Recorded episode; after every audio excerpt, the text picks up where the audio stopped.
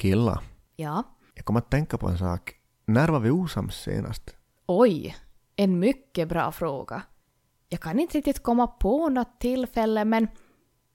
Jo, faktiskt ett minne har jag. Det var en lördag kväll. När vi grälade om vem som skulle få den sista glassbiten. Alltså du menar när vi var typ 28, 9, 10 år eller någonting? Ja, jag tror någonting i den åldern. Men det låter ju bra. Det låter som att vi har hittat ett bra koncept för att komma överens då. Ja, det håller jag med om. Och jag tycker vi ska fortsätta i samma stil. Välkomna till Elevpodden, ett nytt avsnitt. Nu kör vi!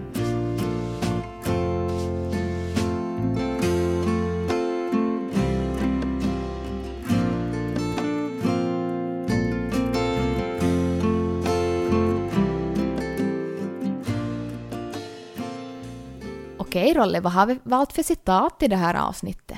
Citat för det här avsnittet så kommer från vår favoritförfattare Kai Pollak. Vill jag uppnå en förändring i mina relationer börjar den förändringen med mig själv. Det här är väldigt intressant, för att en av de svåraste utmaningarna vi möter i livet, så måste jag nog ändå säga att är att komma överens med människor. För vi är allihopa så olika. Vi har olika personligheter, temperament och vi kommer från olika bakgrunder. Det kan ju vara att när en annan människa inte håller med oss, gör någonting som vi inte tycker om, så är det så enkelt att man blir osams med dem på olika sätt.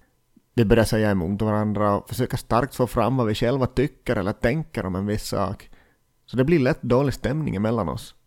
Bråk är ju en stämning, precis som fred är en stämning. Och om vi skulle vara mer medvetna om vad det här kan leda till för oss själva och andra runt omkring oss, så tror jag vi skulle vara mer aktiva att försöka skapa fred omkring oss istället. Så är det. Och det är så lätt att börja bråka och säga elaka saker åt varandra. Kanske speciellt med de människor man har närmast omkring sig, till exempel föräldrar, syskon, nära vänner, pojkvän eller flickvän och så vidare. Ibland kanske du inte kan förstå hur du skulle kunna leva nära dem utan att bli galen. Och fastän du vet att det är så viktiga för dig, Jag skulle vilja ställa en fråga till dig. Har du lagt märke till att det är de här personerna som står dig närmast som kan få dig att känna dig som allra lyckligast i livet, men samtidigt också det som kan såra dig som mest?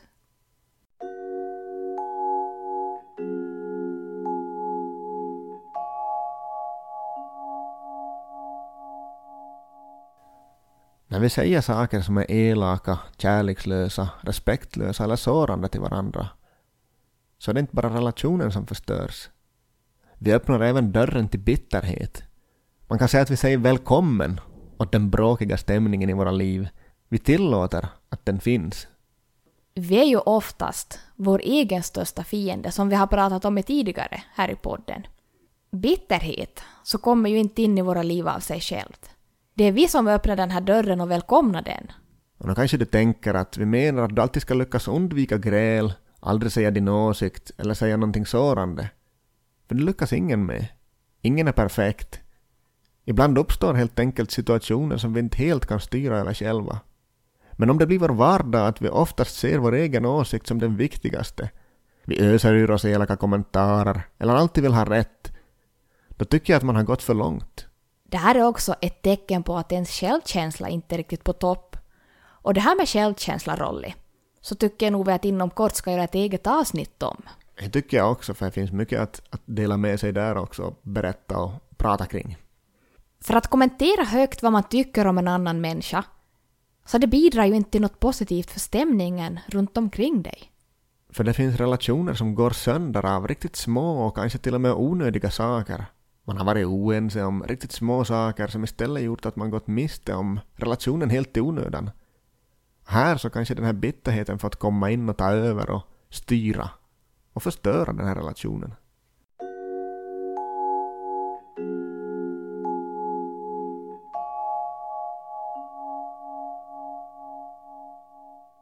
Nu ska vi se om du håller med mig, Rolly. Ofta så hör man sådana här liknande åsikter som att jag skulle inte ropa att min mamma, bara hon skulle förstå mig. Eller jag skulle inte bråka med min lillebror, bara han skulle förstå att han inte skulle komma in i mitt rum. Att det är därför vi bråkar. Det här tycker jag låter på sitt sätt bekant nog i olika former. Här skulle jag vilja påminna dig att här har också du ett ansvar. Du kan välja att inte gå med i den här striden. eller vara den som skapar striden. Bara för att någon annan gör fel mot dig så betyder det inte att du måste gå med i den här striden eller grälet. För det krävs ju två personer för att den ska bli en strid. Och här så kanske den här bitterheten försöker få med dig och du börjar tänka kom igen nu, kämpa emot, säg emot, stå upp för din sak, du har rätt. Då skulle jag vilja säga till dig att gå inte med i de här tankarna, gå inte på dem.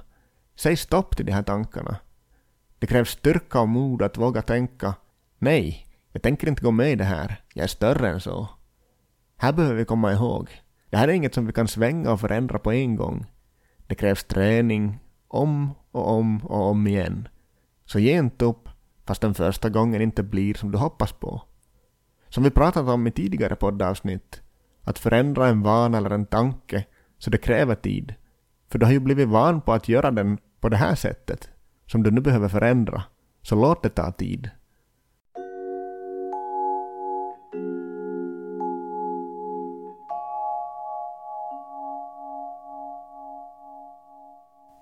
Det krävs ju ett enormt mod att säga förlåt även när det inte var ditt fel. Om du hellre vill ha fred än bråk i ditt liv så behöver du träna på att inte gå med i den här striden eller det här bråket, trots att allt inom dig säger att du ska kriga för din sak. Det kommer finnas tillfällen när du vet att du har rätt. Den andra personen kanske beter sig respektlöst, säger inte sanningen eller bråkar om en småsak. Men för den här fredens skull så låter du det vara. Ibland måste du låta den andra personen tro att de har rätt, fastän du vet att de har fel. Det går åt så mycket mindre energi och stämningen kan bli så mycket bättre. Jag tycker det här med att ha rätt är ganska överskattat. För du kan ju ha rätt, men ändå känna dig väldigt olycklig. Och du kan ha rätt, men sova väldigt dåligt på grund av att du har dåligt samvete. Och du kan ju kämpa för att ha rätt hela ditt liv, men vid tillfällen när du skulle behöva människor nära dig så kanske du inser hur ensam du är. För att sammanfatta det här lite så kan vi säga som så att vi människor kanske ofta vill ha rätt eller vinna olika bråk, men vi märker kanske då inte hur mycket det förstör en relation. Och när vi hamnar i bråk så har vi lite olika beteenden. Somliga av oss blir ju tysta, drar sig undan och väljer att inte börja säga emot. Och som sagt, det krävs ju två personer för att det ska bli ett bråk. Medan andra kanske känner sig nedtryckta eller förminskade och gör mer för att få fram vad de tycker eller tänker. De är helt enkelt villiga att ta det ett steg längre i den här konflikten eller i det här bråket. Så här är det viktigt att komma ihåg och påminna sig själv om att vi kan inte ändra andra människors beteenden eller hur de är som person. Bråken vi är med om är lite som små test här i livet. Men jag skulle vilja ställa dig frågan att är du beredd att istället bita dig i tungan så att säga, fastän du känner för att inte snäsa av någon? Och är du beredd att sätta din egen stolthet åt sidan och låta någon annan ha rätt, fastän du vet att de har fel? Man kan fråga sig då att förlorar du någonting på att inte gå med i eller inte skapa ett bråk?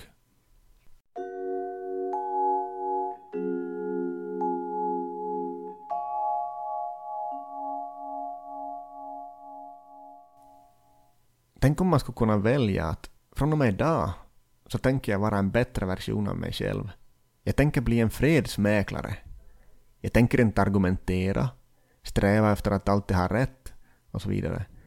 Då kanske du tänker, men om jag inte står upp för mig själv, om jag inte berättar åt andra vad jag tycker och tänker, så kanske andra kommer att tro att jag är en svag person. Men det här är i själva verket raka motsatsen. När du tränar på att skapa fred omkring dig, är det inte ett tecken på svaghet?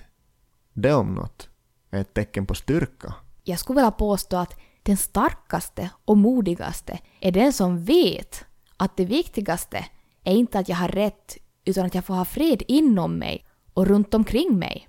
Och om du tränar på att skapa fred inom dig så kommer det också att skapas runt omkring dig. Så påminn dig själv. Jag har hellre fred i mitt liv än att ha rätt. Ofta så kan det ju vara så att i våra hem så så tar vi efter våra föräldrar och syskon. Vi gör som andra och på något sätt härmar för att det är så man gör.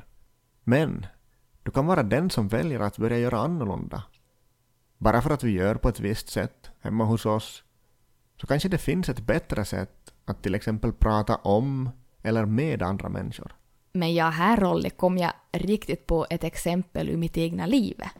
Är det så? Berätt. Jag har märkt att vid vissa situationer när jag har blivit så att säga sur på någon i min familj, när vi inte har varit riktigt överens om en viss sak, så har jag försökt att straffa andra med att fortsätta att vara sur. Bara för att liksom visa att du gjorde fel mot mig.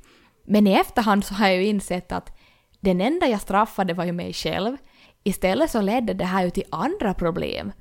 På grund av att jag var ju så fokuserad på att vara sur och straffa andra att till exempel maten som jag lagade samtidigt så blev ju bränd. För jag fokuserade ju så starkt på att i mina tankar berätta åt den andra personen att den hade gjort fel. Okej, så vad kan du konstatera efter det här då? Det här rekommenderas icke, skulle jag vilja påstå. Okej, intresseklubben antecknar. Ska vi ta och avsluta med lite konkreta tips? Det tycker jag vi kan göra. Vi kan lite sammanfatta det här avsnittet med tre konkreta tips. Det här första som jag skulle vilja nämna så är någonting som jag kallar för ett ryktesfilter.